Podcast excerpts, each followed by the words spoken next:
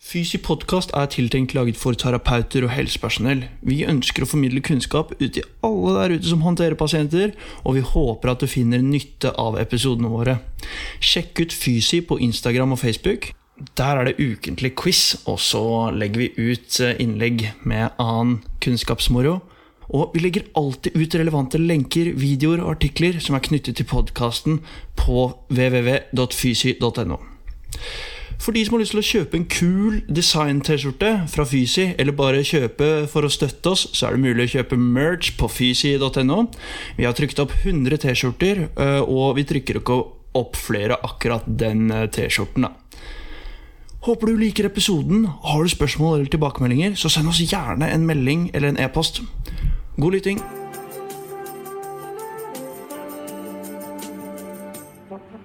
Hei og velkommen til denne episoden på Fysi podkast.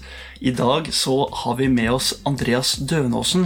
Han kaller altså paleoterapeuten på sosiale medier. Og vi er jo meget fornøyd med å ha med han eh, på denne lille praten i dag, da. Eh, han er fysioterapeut, og han har holdt masse kurs og foredrag tidligere. Og så er han også sertifisert kostholdsrådgiver gjennom MF-gruppen. Og så når jeg drev og stalka deg, da, Andreas, ja. så fant jeg ut eh, at vi har jo søren steike meg studert samme sted. Yes. Ja, der, Hvis du skal si litt sånn kort om hvordan var egentlig studieperioden for deg? Veldig fin. Eh, trivdes veldig godt både her på Bjørknes og eh, senere da i Enskede i Nederland. Oh yes. Så jeg opplevde at det ble en veldig god og sammensveisa gjeng med, med, studenter. At det var et eh, tett uh, miljø som uh, ja, vi fleste som gikk der, vokste både faglig og som personer. da, tror jeg. Mm, ja, det, det, tror jeg jeg kan kjenne meg igjen i. Hva var det som var, drev deg inn i fysioterapifaget, og uh, endte der du opprinnelig eh, søkte?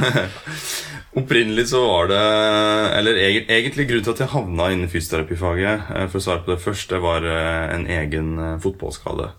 Jeg tok korsbåndet i Norway Cup da jeg var ja, en sånn 15, 15 år. Og måtte da tilbringe en god del timer hos fysioterapeut mm. gjennom et år. Og opplevde da med å komme tett på fysioterapeut at det var veldig, et veldig spennende yrke. Mm. Jeg var interessert i trening og ikke vært så glad i å sitte veldig lenge i ro på en kontorpult. så jeg tenkte at fysioterapi det virker spennende. Ja. Eh, og etter hvert så blei jo da selvfølgelig målet å bli en sånn uh, idrettsfysioterapeut. Mm. Og jeg sikta jo litt på fotballag og sånne ting når jeg starta på studiet. Og så etter hvert så utvikla det seg litt i andre retninger, eh, som eh, endte opp med at jeg havna litt mer på en, eh, en alternativ eh, måte å jobbe på. Mm -hmm. Som er litt mer eh, retta mot kanskje de som har mer kroniske plager og mer sammensatte lidelser. Mm -hmm. mm, ja, veldig spennende. Uh, Dagens tema er, er, stress. Og eh, det er jo slik når man jobber på et institutt, eller egentlig eh, i alle, alle, deler av faget, så kan jo stress absolutt være en sånn komponent eh, eller driver eh, i eh, det totale bildet hos eh, pasienter. Um, liksom, Hvis vi skal bare kaste, kaste ut den ballen med en gang uh, hva, hva, kan vi si, Hvordan kan vi beskrive stress? Hva er stress? Ja. Sånn I utgangspunktet fysiologisk sett så er jo stress noe som er veldig viktig. Mm. Eh, stress evolusjonsmessig er jo en eh, veldig eh, fin mekanisme å ha for å kunne overleve farer og trusler. Mm. Mm. Eh, og i utgangspunktet så er mennesket utrusta med forskjellige hormoner, forskjellige eh, kjemikalier som skal hjelpe oss til å eh, rett og slett da enten flykte eller da slåss. ikke sant? Mm. Fight, flight. Mm. Mm. Eh, I en situasjon der vi da er, eh, er trua. Og det som skjer eh, med en sånn hensiktsmessig stress, det er jo at stressnivået i kroppen går opp. Mm.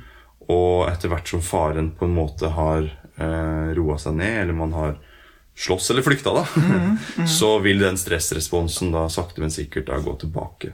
Ja. Det er jo egentlig en eh, veldig fin eh, mekanisme å ha. Jeg vil, jeg vil, jeg vil helst ha stressresponsen. Jeg, vil ikke, jeg vil ikke gi bort den, liksom. Er. Eller, men, men, men problemet blir jo da ofte at i dag så blir vi stressa for helt andre grunner enn de tinga som faktisk er livstruende. Eh, og da kan stress begynne å være en eh, respons da, som jobber imot egentlig oss. da. Eh, og det vil vi jo egentlig ikke. Vi vil helst at stresset skal jobbe med oss. Eh, en kjent eh, norsk filosof, Arne Næss, Ja, fjellklatrer, ja, ja. ja. friluftsmenneske. ja riktig. Ja. ja. Eh, han eh, har sagt at eh, det er enkelte fjell som du klatrer på fjellet, så er det god friksjon, og løypa er veldig naturlig og viser seg veldig intuitivt. Ja. Da er det akkurat som at fjellet jobber med deg. ja, ja. Det syns jeg er veldig fint sagt. For det er jo en svær utfordring, og det er jo skummelt å skulle klatre på et fjell. Men så lenge det jobber med deg. Og det er det vi ønsker med stress òg. Vi vil at stresset skal jobbe med deg. Ja, den, den likte jeg også. Ja, det var, eh, ja, det var absolutt uh, fin. Det er jo eh, det- Jeg føler jo at eh, dette begrepet stress er jo nesten litt sånn eh, ødelagt i dagens uh, Yes. Hvordan vi bruker det. Ja, Det er så stress uh, med denne bilkøen her. Det er så stress Ja. med disse barna. Ja. Det er jo uh, hele tiden der. Men, men som du sier, så er det liksom en, en ekstremt viktig komponent for overlevelse rent evolusjonsmessig. Ja. Men så er det jo da Hvis man har eh, liksom langvarig stress hva, hva, hva er det som har eh, Du sa tidligere at liksom denne stressresponsen går vanligvis ned etter faren er over, på et sett og vis. Men liksom, hvorfor, hvorfor gir ikke denne stressresponsen seg hos alle? Så det som vanligvis eh, skjer i dagens samfunn, det er jo at stresset ikke kommer som en reaksjon på en trussel utenfra, men som en reaksjon på tankene våre. Så de tankene som vi da har om vår egen livssituasjon, eh, om våre egne oppgaver eller forpliktelser, ansvar, eh, eller bekymringer som handler om fortid eller framtid, det er ofte det som hele tida kontinuerlig setter den her stressen på. Og hvis det, man går da i lang tid med stress i kroppen, eh, så kan det faktisk være slik at eh, det er nesten så det blir en slags kronisk tilstand. Mm. du på en måte ikke klarer helt å Du får aldri beina på jorda, du klarer aldri å roe helt ned. Og da mister du litt av fleksibiliteten i nervesystemet. Ja, ja, riktig, riktig. Ha. Ja, fordi eh, hvis vi bare tar dette med nervesystemet, da, så uh, det blir jo kanskje litt sånn selvsagt for noen av våre lyttere, men hvis vi liksom grovt deler inn nervesystemet i parasympaticus og sympaticus, Yes. så er det da uh, sympaticus som står og uh, gnur på når du har en stressrespons. Og uh, eh, ja, parasympaticus er jo vel så viktig for overlevelse i det lange løp. Absolutt. Eh, Så her er det da eh, et sånn mismatch mellom aktiveringen av to systemer, hvis man Ja. kan kalle det litt sånn enkelt sagt. da. Ja. Det er litt sånn eh, man tenker om det. Og eh, vi veit jo da liksom at det, parasympatiske nervesystemet det kan jo òg aktiveres. Og der går det jo faktisk an da å bruke eh, tanker.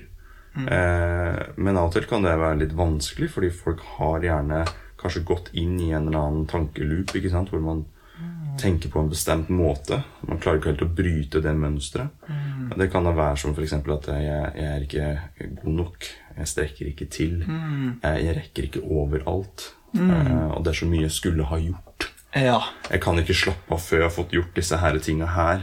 Ikke sant? Og så går man kanskje rundt med dårlig samvittighet overfor det. Og da går det gjerne på en eller annen bekymring da, som handler om noe som kommer til å skje. Eller det kan være noe som man Å, jeg skulle ikke ha gjort det sånn. Og, ikke sant, i fortida. Ja. Um, og det går an da gjennom å få lov til å rett og slett snakke om det. Ikke sant? Så at eh, hvis, hvis man har eh, noen som, som går i en sånn slags negativ tankeloop som trigger stresset, så er det å få, få delt det. Og få det eh, ut. Eh, pust Ja. er en veldig, veldig eh, effektiv måte å få aktivert den parasympatiske delen av nervesystemet. Ja. Eh, og det er noe som jeg ser i min hverdag i klinikk òg. At det er, eh, veldig mange puster veldig overfladisk, veldig fort. Eh, og det er nesten så at vi i dag tar oss ikke tid til å puste. Nei. Så det, det er ganske for, for, forbausende, da. For at det, du varer jo ikke så veldig lenge hvis du kutter ut helt. Det er sånn. Det, det er mange som er stressa over at de skal bli Eller redd for å være sulten eller ikke få sove nok. Men det er ikke mange kanskje tenker over at eh, de puster jo ikke heller eh, tilstrekkelig. da Ja, det er, eh, det er poenget. Og også ja, liksom um, Når du er stressa, så har du jo kanskje litt sånn høyere eh, puls, og liksom eh, systemet er på, ikke sant? Ja. Eh, og vi vet jo også at eh, dette med pust og eh, hjerterytme har jo også en veldig sånn tett, tett sammenheng, da. Der, eh, men allikevel så er det jo ofte neglisjert, som du sier òg. Ja.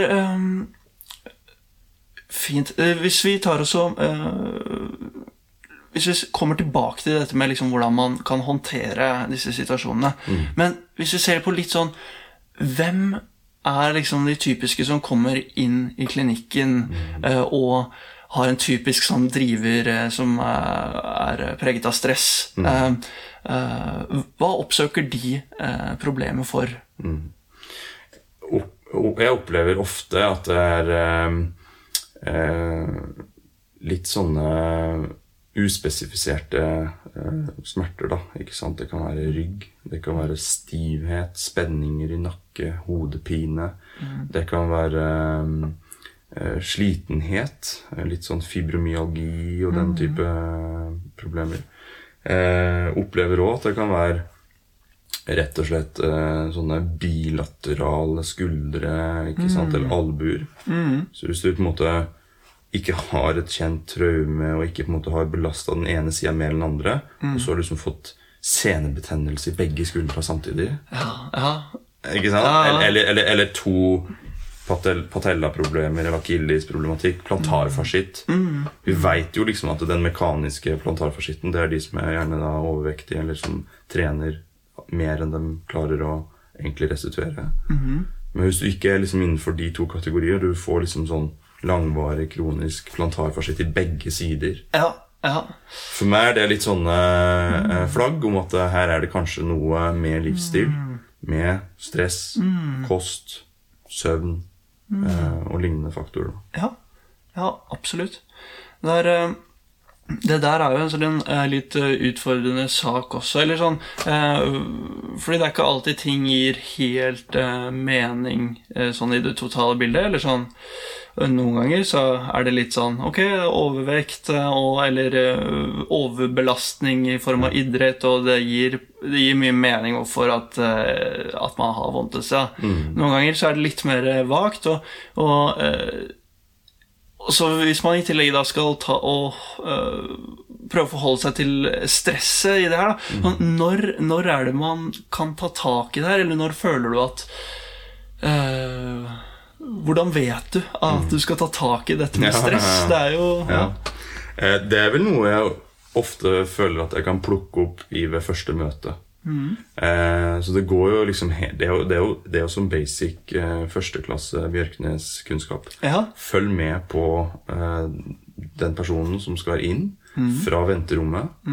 Ikke sant? Når du roper opp navnet, hvordan er reaksjonen? ja, ja. Er det, spretter de opp som en sånn eh, militant person som er livredd for å komme for seint eller ikke høre på autoriteter? Ikke sant? Ja. Og liksom springer de inn på kontoret og ikke tar av seg jakka, men liksom sitter litt sånn knyttet i stolen.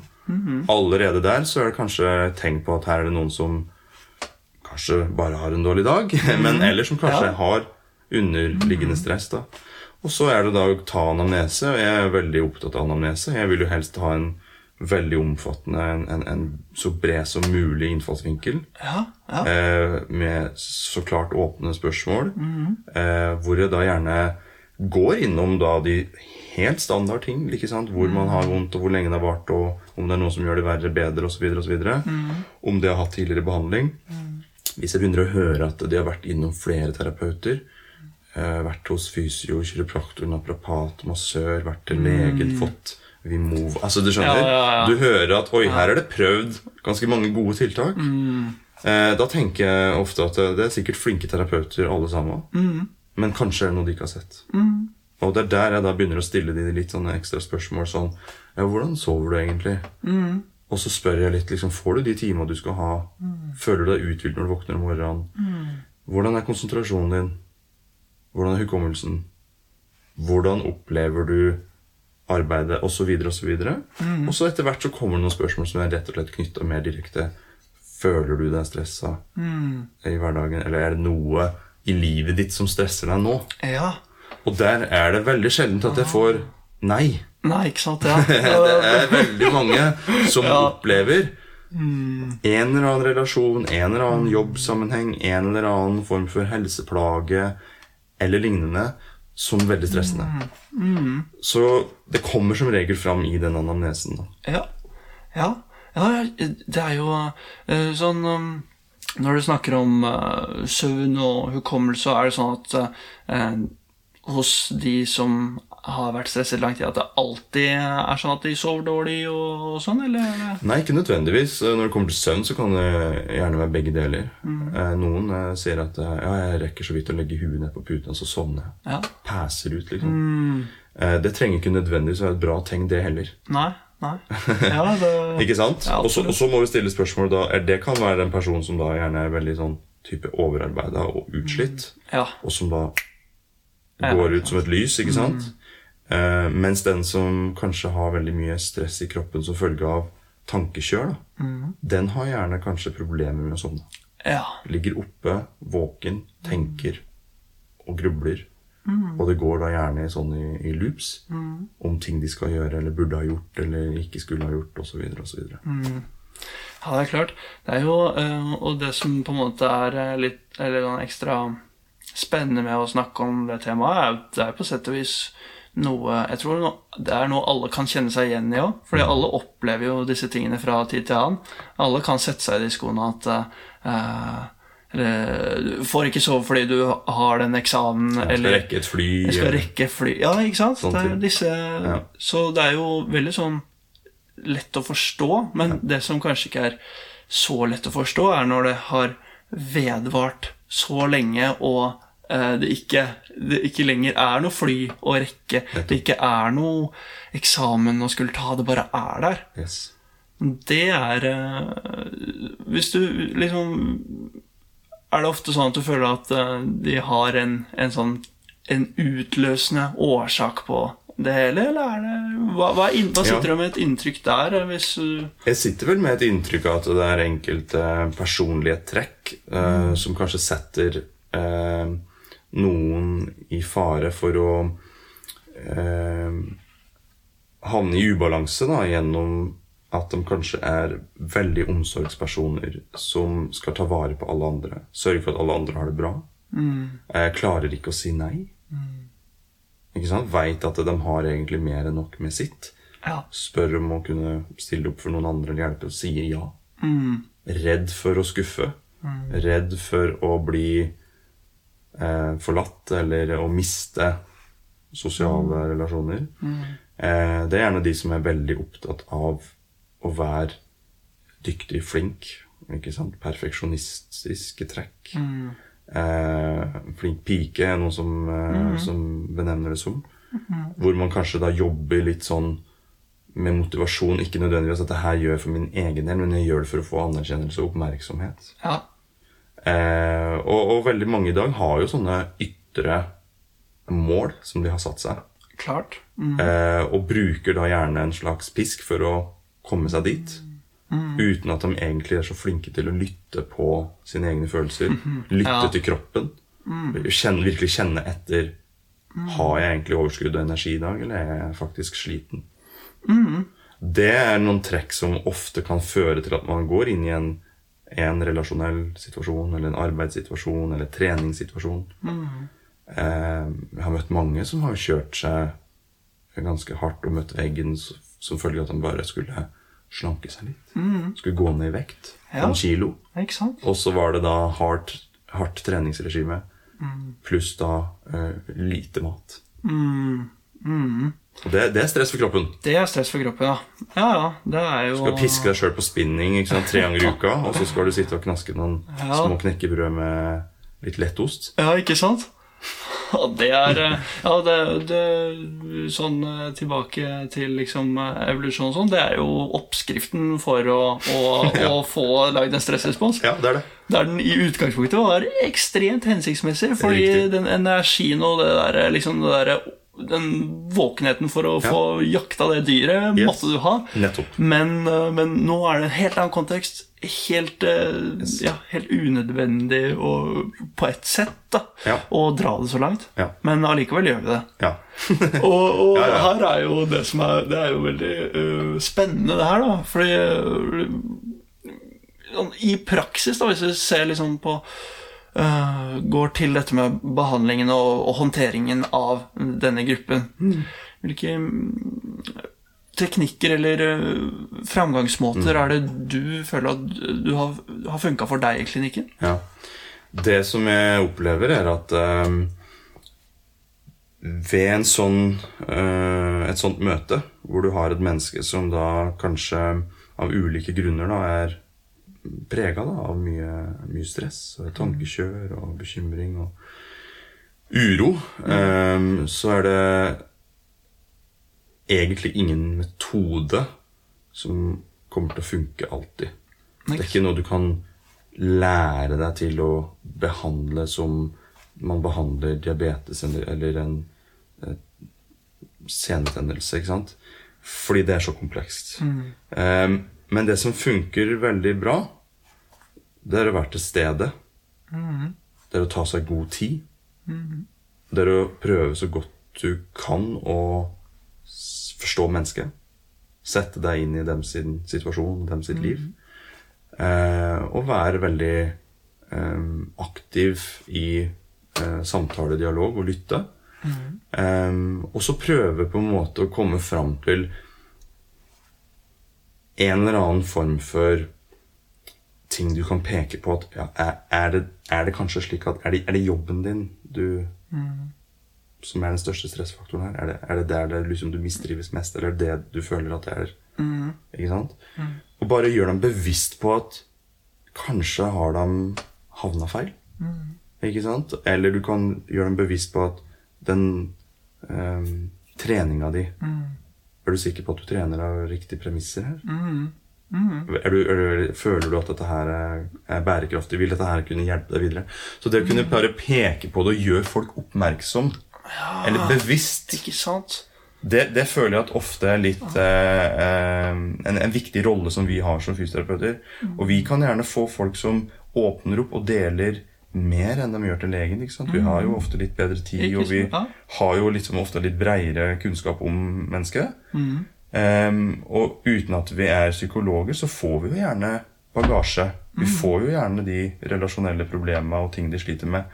Og det å på en måte bare da sitte med det og være rolig og tenke at ok, jeg skjønner at du sliter med dette her og dette her. Uh, og så er spørsmålet da skal du behandle det?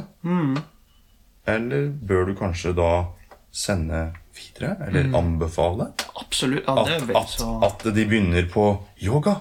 Ja. For å få tilbake kontroll på pusten og, og prøve å på en måte koble seg litt på kroppen. Eller kanskje du mener at eh, Vet du hva? Jeg tror kanskje du skal ta en prat med, med arbeidsgiveren din, eller prate med fastlegen din om å få en samtale med arbeidsgiver. For det er ikke, ser ikke ut som at dette arbeidsforholdet er så gunstig. Eller kanskje du rett og slett bør si Du, vet du hva? Jeg har et øh, ønske om at du kanskje oppsøker en uh, terapeut, en psykolog eller en, en samlivsterapeut. samlivsterapeut. Altså at du, kan få lov til å foreslå sånne ting, du òg. og, og, og rett og slett da bare vær til stede, vær i det, prøve å se dem sin side av, av, av saken. Uh, og hvis at du har noen pusteteknikker, hvis du, at du har noe meditasjon, du har gått noen kurs eller har noe meditasjon eller et eller annet yogaerfaring, eller du eh, kan avspenningsøvelser, så bruk det. Og jeg har jo sjøl opplevd at eh, det kommer inn folk med disse her bilaterale skuldrene, eller det er en stressnakk, ikke sant? Og så har det blitt en veldig sånn rolig runde på benken med avspenning, hvor jeg liksom nesten er så vidt borti, men prøver å legge til rette for at de skal få lov til å kjenne på kroppen sin. For veldig mange har gått lenge og neglisjert kroppen. Ja. Kjenner egentlig ikke helt til at de er spente. ikke sant? Skuldra er langt oppe. De veit ikke. Og det å på en måte da bare ha taktil berøring Det å på en måte bruke da litt trykkpunkter, det å på en måte bruke litt tøyningsøvelser, avspenningsteknikker, det kan få folk til å kjenne at 'Å, herregud, jeg er sliten'. ikke sant? Og så ligger de på benken og det var nesten så jeg sovna. og, så, og, så, sa de kanskje før de kom inn, når du spurte spørsmålet 'Føler du deg sliten?' Ja. Nei. Nei, nei, nei. Nei, er sliten. Og så drikker de kaffe. Nei, ikke sliten. Så liksom Det å bruke da disse her eh, manuelle teknikker til å faktisk få folk mer bevisst på sin egen kropp, det, det har jeg veldig tro på. Så det er en sånn somatisk, psyko, psykosomatisk Ja. eh, tilnærming. da Ja, ja men eh, spennende. Det er, det er jo Jeg ser absolutt for meg at eh, for mange så kan det være veldig sånn nyttig eh, type Med sånn yoga og avspenningsteknikker som det du nevner, da. Men for mange så er det også slik at nei, nei, yoga, det, det driver jeg ikke med, og, og, og og sånne, sånne ting, det kan jeg ikke gjøre. Og liksom at de har, har de, Kanskje det ikke passer helt for de, ja, hvis, hvis vi ser for oss en litt sånn der, liksom flat Ja. type som ikke, ikke egentlig eh, liker noe å engasjere seg i noen sånne Nei, nei, nei, slags ting. Og liksom, hva, kan man gjøre med disse? Fordi det handler jo litt om å liksom eh, treffe eh, på tiltaket. At Ja. det er noe de faktisk kan engasjere seg og gjøre, da, Ja. å, som er effektivt. Ja. Så, så ofte da så er det jo litt sånn at vi ser de klienter som du ser som er veldig sånn eh, Vil eh, kanskje ha litt mer eh, opplysende og informativ eh, form for behandling. Og vil på en måte ha en konkretisering og en diagnose. Og eh, kanskje til og med bare eh, øvelser som de hører at det liksom, dette her er vitenskapelig bevist. ikke sant? Du kan gjøre dette her og dette her. Em, og for, for min del da, så er det litt sånn at eh, jeg spiller gjerne med på det. Jeg, jeg, kan, jeg kan kjøre masse tester. Og vi kan gå inn og vi kan sette noen hypoteser om diagnoser. ikke sant? Og vi kan nevne noen prognoser, noen, hvor mange uker det tar, osv. Um, og jeg tenker jo ofte at eh, da gjør vi det som er evidence-based. Og så ser vi da om dette her da skaper noen endring og, og forbedring. Og hvis at det gjør det uten at du da egentlig tar tak i denne her eh, kanskje underliggende stressen og det som eh, foregår i tillegg, så er det jo kjempebra, men da opplever jeg at da er du egentlig bare halvveis. Sjøl om vedkommende kanskje tenker at takk, nå er skuldra litt bedre, eller nakken er litt bedre. Nå har vi knadd opp den. Nå kan jeg gå tilbake og jobbe tolv timer på kontoret. Og, ikke sant? Ja, ja. Eh, og, og, og, for min del da, så er det litt sånn at det er viktig for meg da at eh, jeg støtter dens, den personens da eh, beslutning om å ikke velge da å gjøre en, en form for avspenning eller puste eller yoga eller noe sånt. Men en spør da gjerne hva er det du opplever at skaper ro i din kropp? Mm. Mm. Og så får du kanskje da høre av fisking. Ja, ikke sant? Ja, ok, du liker å fiske. Når fiska du sist? Når var siste fisketur? Når er neste? Og hvis du da begynner å stille noen spørsmål om ting som dem sjøl da liker og er glad i, og det viser seg at nei, men det er nedprioritert, det òg, Ja, Ikke sant? og så stiller spørsmålet da Ok, du sier at du ikke har hatt tid det siste året, eller to åra, til å fiske. Når kommer du til å få tid? Ah, når jeg er ferdig med det her prosjektet. Ja. Ok, men kommer det ikke flere prosjekter? Ikke sant? Eller er det, er, det, er det et eller annet her som velges bort fordi de da i det tilfellet tenker at det er noe annet som er viktigere for meg i livet? Da har vi det der problemet igjen med at du er egentlig ikke til stede i kroppen din her og nå.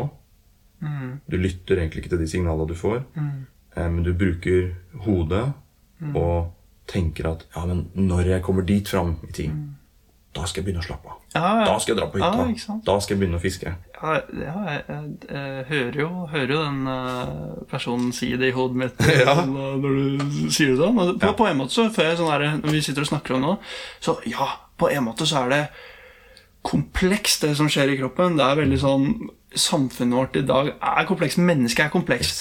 Men allikevel så er det ganske sånn eh, det, Eller kan i hvert fall være, ikke alltid, men kan være ganske sånn fundamentalt og enkelt også. Yes. Sånn type liksom Hvis man sier fisketur, da. Ja.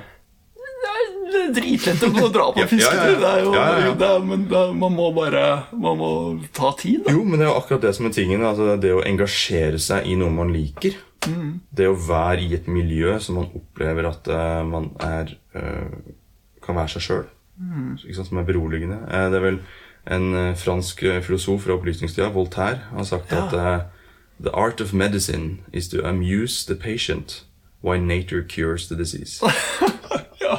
ja. Ikke sant? Ja. At man må på en måte engasjere seg i noe. Sant? Amuse eller entertain. Ikke sant? At man må være engasjert i noe. Gjerne da en aktivitet som er da lystbetont og som er gledesfullt. ikke sant? Og så fikser kroppen egentlig ting sjøl. ja. ja. Og det her har folk i dag veldig vanskelig for å forstå. Veldig mange i dag de tenker at jeg må gjøre mer. ja. Jeg må engasjere meg i flere ting. Jeg må ha flere oppgaver, flere verv, flere sosiale eh, sant, eh, møter. Og jeg må prøve å trene, og jeg skal spise sunt, og jeg skal, være, jeg skal reise, og jeg skal ha hobbyer, og jeg skal ha Ikke sant? Og tenker at hvis det skjer noe med kroppen min, ja, da må jeg gjøre noe mer. Da må jeg oppsøke terapeut, og så kanskje en terapeut til. Og så må jeg få gjort noe aktiv handling skal gjøre mer. Men sannheten er kanskje at det å finne det som gir deg ro, Ja, ikke sant? kanskje er viktigere. Det Ja, jeg, For, det, for det under stress stress så er det ingenting som spirer og gror. ikke sant? Ja, ja. Nei, det er, det er klart. Det er jo, det er jo skikkelig sånn eh, nedbrytningshormon, egentlig. Ja, ja, ja. Det er ikke, ikke mye, mye å spire og gro da. Nei. Men eh, han er skikkelig, skikkelig eh, interessant vinkling på det hele, egentlig. altså. Det er, eh, hvis, eh, hvis vi skal uh, oppsummere litt sånn uh, de punktene som er viktig å ta uh, under samtale som leder til, til eh, behandlingstiltak Bare summere opp det i 30, 30 sekunder. Hva, hva er det man gjør da? Man Man er veldig til stede med pasienten. Prøver å møte pasienten der pasienten er. Eh, ta seg god tid, lytte, ha ro. Finne eh, fram til en, en eh, brei eh, innfallsvinkel til anamnese og historie. Og så prøve å, sammen med eh, pasienten, komme fram til et par ting som de opplever at er stress. Kilder. Kilder til stress. Ja, ja. Deretter eh, så må du da finne ut Er dette her noe vi kan jobbe sammen eh, med. da? Eller er det noe som vi kanskje må ha hjelp fra noen andre? Og der er det greit som fysioterapeut å ha samarbeidspartnere. Jeg kjenner en, en, en, en psykolog. Jeg kjenner en person som driver med pusteteknikker. Eller jeg veit om et yogastudio. Eh, eller et, eh, en fiskeklubb. ja. Fordi, fordi, ikke sant? Eller, altså, ikke sant? Er du, eller andre terapeuter. Ikke sant? Massører eller eh, sånne ting. Og til det vi er litt eh, flinke til å tenke at men dette her er ikke helt min eh, cup of tea. Men jeg ser det, og jeg er bevisst over det. Hvis at du har teknikker og du, du føler deg komfortabel med å ta eh, tak i saken, så er det rett og slett da å eh, skape en eller annen form for eh, situasjon der eh, vedkommende da blir mer bevisst på sin egen kropp og sine egne følelser og sine egne signaler. Flott eh, oppsummert eh, der, egentlig. altså. Kjempebra. Vi eh, skal videre i podkastens agenda her, holdt jeg på å si. Og eh, jeg tok og la ut en sånn derre eh, Still meg et spørsmål på Instagram. Eh, og så sa jeg at vi skulle ha en podkast med deg, og at temaet var stress. da. Og så fikk vi masse spennende spørsmål, men jeg har eh, valgt ut eh, fire, fire stykker da, som jeg syns var, var eh, fine. Um, så kanskje vi kan prøve å svare litt sånn kort og, kort og godt på de, da. Så uh, første er fra Ingrid Aas V. Um, er det noen god objektiv målenhet for å kartlegge stress hos en pasient? En av de mest brukte måtene å kartlegge stress eh, er jo egentlig HRV, altså Heart Rate Variability. Eh, og det vil da se Eller det vil si noe om hvor jevnt pulsen slår. Ja. Så mellom hvert hjerteslag så er det litt tid. Eh, den tiden skal helst ikke være lik fra slag til slag. Den skal helst variere noe. ja. vel. Du nevnte i stad at det parasympatiske og sympatiske har litt ulike funksjoner. Det sympatiske nervesystemet gjør at pulsen gjerne slår veldig jevnt. Gjerne litt fortere og litt hardere, men også veldig jevnt. Mens det parasympatiske nervesystemet gjør at pulsen slår litt ujevnt. Når vi puster inn, slår den litt fortere. Når vi puster ut, så sakner det litt ned.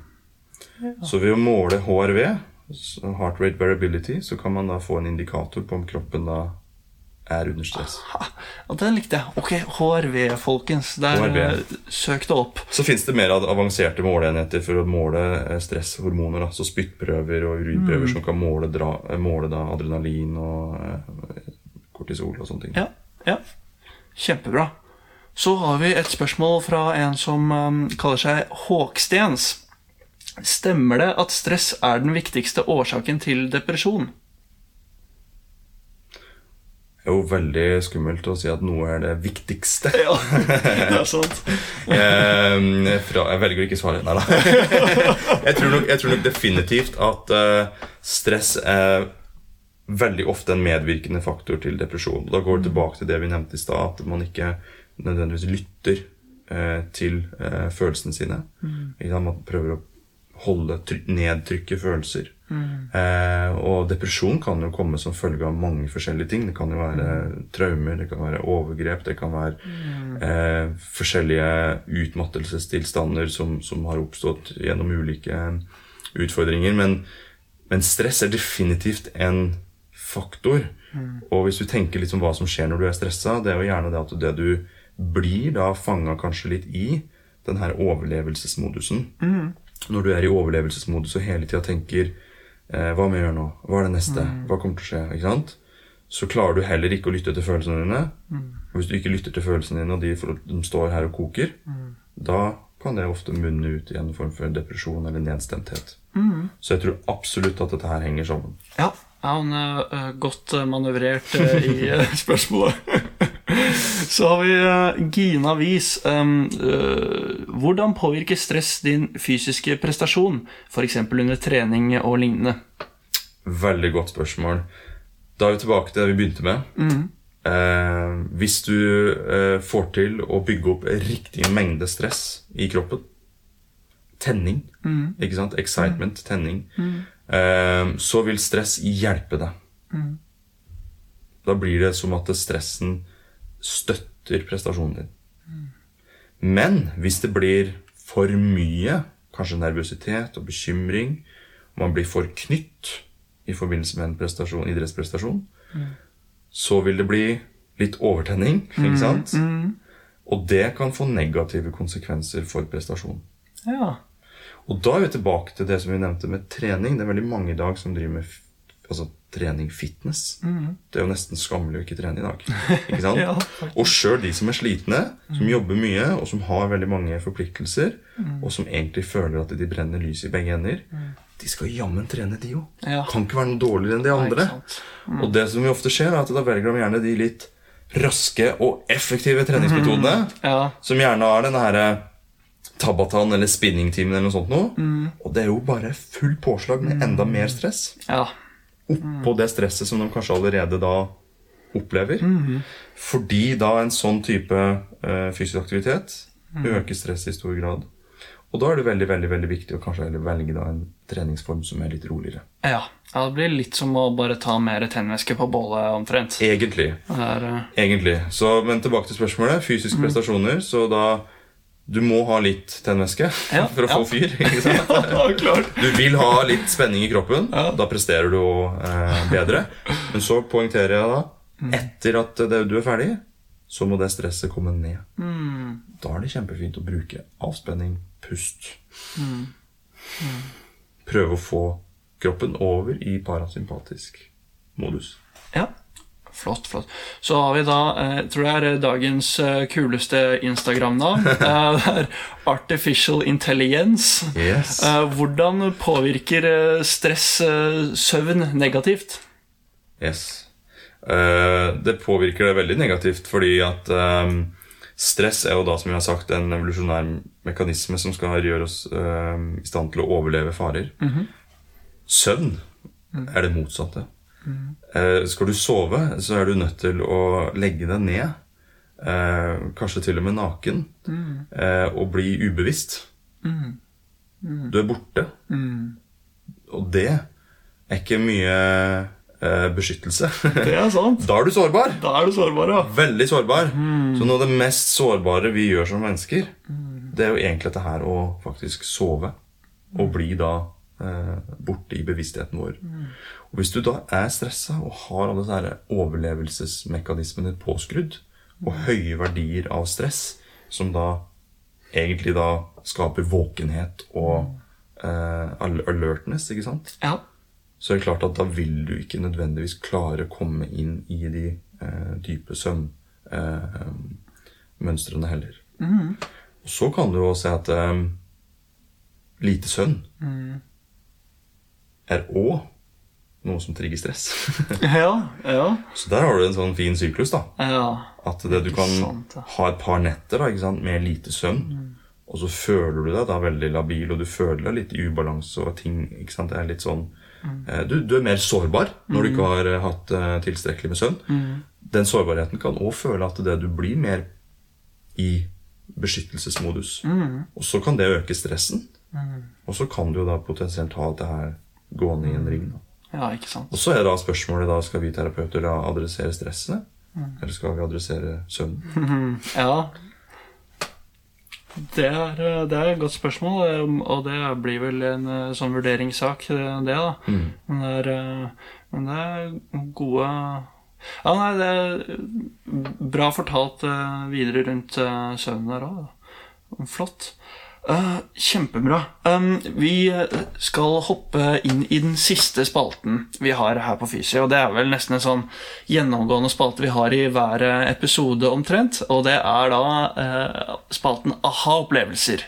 Uh, der vi skal prøve å snakke litt om en eh, situasjon eh, så, sånn eh, skjermet for taushetsplikten, mm. som, eh, der du opplevde at eh, Eh, du fikk til noe i klinikken med en eh, klient eller pasient. Mm. eh, har, du, har du en sånn historie som ga deg en sånn aha-opplevelse en gang, som vi kan dele, dele her på podkasten? Ja, jeg har flere, eh, egentlig. Men eh, vi kan jo prøve å holde oss til eh, relativt nær eh, eh, eh, At det er relativt eh, nylig, da. Eh, og at det kanskje er knytta opp til, eh, til stress, da. Eh, jeg hadde en, eh, en ny eh, klient innom eh, før jeg tok ferie nå, som har fibromyalgi. Og kom inn egentlig da dels med en vond skulder, eh, men òg fordi hun ville oppsøke min eh, eh, mine tjenester, da, fordi at jeg jo jobber da mer med uh, kosthold og eh, livsstil. Og så går vi da gjennom anamnese, og så er det da en del ting som kommer opp. Litt sånne, igjen som jeg kaller litt sånne flagg, da, sånn som stressfaktorer. Um, og vi kartlegger da ganske nøye litt sånn Ok, hvordan er dette her med, eh, med, med trening? Hvordan er dette her med mat? Hvordan er det med jobben? Og sånne ting. Og så kommer det opp en del ting da, som viser seg at det er veldig stressende. Hun opplever som veldig Hun går i en sånn slags uh, loop uh, og, og, og bekymrer seg over ting. Og, og klarer ikke helt å zoome ut og få det store bildet. Og så gjennom at vi prater eh, i en tre kvarters tid, eh, så sier hun til slutt Ja, skal du ikke teste meg? Og så sier jeg at nei, det føler jeg jo egentlig ikke at det er det viktigste her. Og da ser jeg på at du Oi, ja, hva, hva mener du er det viktigste? Det viktigste er at vi skal nå prate litt om disse tingene, for jeg hører at du ikke egentlig har prata med noen om noe av det her i mange år. Ikke sant? Så i stedet for å da fokusere da på det som var den vonde skuldra, og den fibromyalgien, og den smerten, og ikke sant, det derre eh, den identiteten med den personen som har fibromyalgi og smerter, som hun da veldig knytta seg sjøl opp mot, så fokuserte hun heller da på de tinga i hverdagen som var vanskelig og utfordrende. Og så begynte jeg da å klargjøre ting som at ja, men med den kroppen tilstanden din, så er ikke du egentlig i stand til å drive med veldig tung trening. Så bare glem det. Gi slipp på det. Ikke sant? Med den tilstanden du er i nå, med den energien og overskuddet, så skal ikke du ha noen flere frivillige verv eller binde deg opp til noe.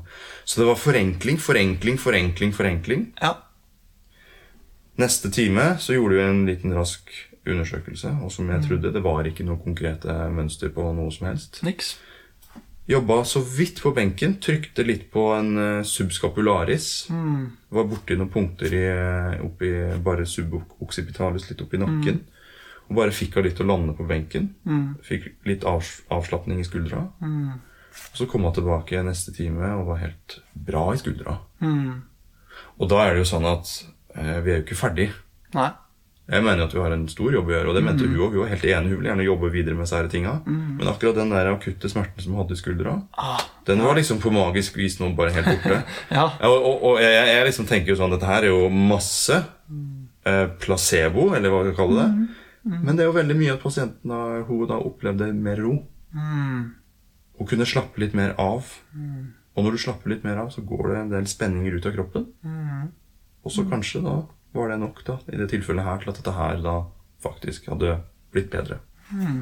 Hadde vi tatt en MR og sett at det var slitasje på en scene, og kanskje litt uh, slitasje i leddet, eller en liten Ikke sant? Ja. Så hadde det kanskje da blitt et nytt skavanke. Ja. ja. En ny diagnose. Yes. og fibromyalgien, ikke sant? Og det er ikke alltid at det nødvendigvis er til hjelp. Så i det her i tilfellet her så var det liksom den der magiske bare snakke om det. Var bortpå og trykte litt på det. Ferdig. Ja, Kjempe, kjempefint. Det er, eh, er på en måte eh, veldig sånn nøkternt og, og, og fint beskrevet. eh, Det at eh, ja, man, man må ikke eh, gjøre det så innmari komplisert, selv om det tilsynelatende har vært en eh, lang eh, og pågående sak. Da. Nettopp. Ofte så tenker jo folk at dette her har vært så lenge, og du har hatt så øh, det, det, det er blitt kronisk, og det er ingen andre som har klart å behandle det. Nå må jeg være enda flinkere. Nå må jeg tenke enda mer nøye gjennom anatomien og fysiologien. Ja. Nå må jeg gå inn i boka, så må jeg finne de ekstra testene, og så skal jeg være den beste klinikeren som skal fikse det. Tenker du sånn, da har du tapt. Ja. ja. Forenkle, forenkle, forenkle. Vær til stede. Lytt. Og så er du med på denne reisen. Så kan du gjøre noen tiltak. Og så kan du selvfølgelig si til pasienten at dette her dette tror jeg på kommer til å gjøre deg bedre. For det må du ha. ja. Hvis du ikke har det, så skal ikke bare, du skal ikke bare stå med, med, med, med, en, med en finger borti en muskel og tenke at dette her funker ikke. Du må jo tenke at dette her vil være til hjelp. Men gjennom en interaksjon og gjennom å se på og, og, og, og nøye observere da, eh, pasienten. Da. Mm, ja, ja, ja det er, liker tankene og tilstedeværelsen og troa på at det man gjør sammen, eh, har en, eh, ha, er meningsfylt. Da. Yes, og det må du gjerne stille spørsmål etter hver eneste time du har hatt. Hva syns du om timen i dag? Mm, ja, Hvordan opplevde du behandlinga i dag? ja. Det, Det er, ikke, det er ikke noe vanskeligere enn det. Hvis du ikke tør det, ja, da er det Ja. noe som skurrer. Ja, det er eh, ja, Kjære alle klinikere som eh, Ja. hører på der ute, prøv å stille det spørsmålet på slutten av timen neste gang. Jeg tror det er eh, vel så nyttig for, eh, for deg som terapeut, og, og det vil hjelpe pasienten din òg, vil jeg tro. Mm. Det, jeg likte, likte dette stedet hvor å runde av her. Det var uh, veldig fint. Um, hvis det er noen um, uh, engasjerte sjeler der ute som har lyst til å lære enda mer om uh, stress, er, det, er det noen lenker og sånn vi kan legge til på fysi.no under, under denne innlegget til denne episoden her, da, eller? Eh, er det, no, er det noen um, noen ting som kommer på toppen av hodet, eller skal vi bare lage en liste i etterkant og legge det ut der? Eh, jeg har noen sånne eh, bøker og, og navn og kanskje litt eh, YouTube-ting og sånne ting som jeg kan eh, trylle fram. Eh, sånn fra toppen av hodet, som det heter på engelsk. Engelsk, i hvert fall. Top of my head. Eh, så ville jo jeg ha vurdert veldig sterkt, hvis jeg var kliniker, å lese bøkene til Audun Mysja. Eh, norsk lege og forfatter. Eh, han har jo er kjent for å bruke eh, sangterapi, altså musikkterapi, for, eh, for både sjuke, eldre og døende. Og han har skrevet jo veldig mye bøker om stress og pust. Så sjekk ut bøkene til Audun Mysja. Veldig bra. Ja, men Supert, eh, Andreas. Eh, tusen takk for at eh, vi fikk prate med deg her på Fysi podkast. Det var veldig spennende og gøy å ta praten med deg. Takk for at jeg fikk eh, være med. Ah, gleden er på vår side. Så eh, flott. Da eh, takker vi for i dag, og så hører du fra oss senere her på Fysi podkast. Yes, ha det bra. Vi håper du likte episoden. Syns du det er lærerikt med Fysi podkast? Ja, fortell det til en venn. To eller fem. Da blir vi veldig glade, i hvert fall. Husk å følge Fysi på Instagram og Facebook for å alltid få med den siste episoden. Og siste lille masing fra meg her nå. Hvis du rater podkasten og skriver en liten kommentar i podkastappen, så vil Fysi bli foreslått til enda flere folk, og det syns jo vi er veldig gøy, da. At folk eh, lytter til våre dyktige gjester. Uansett, takk for at du hørte på episoden. Så hører du fra meg, Fredrik Sjøberg, og oss andre i Fysi senere. Ha en fin dag, da.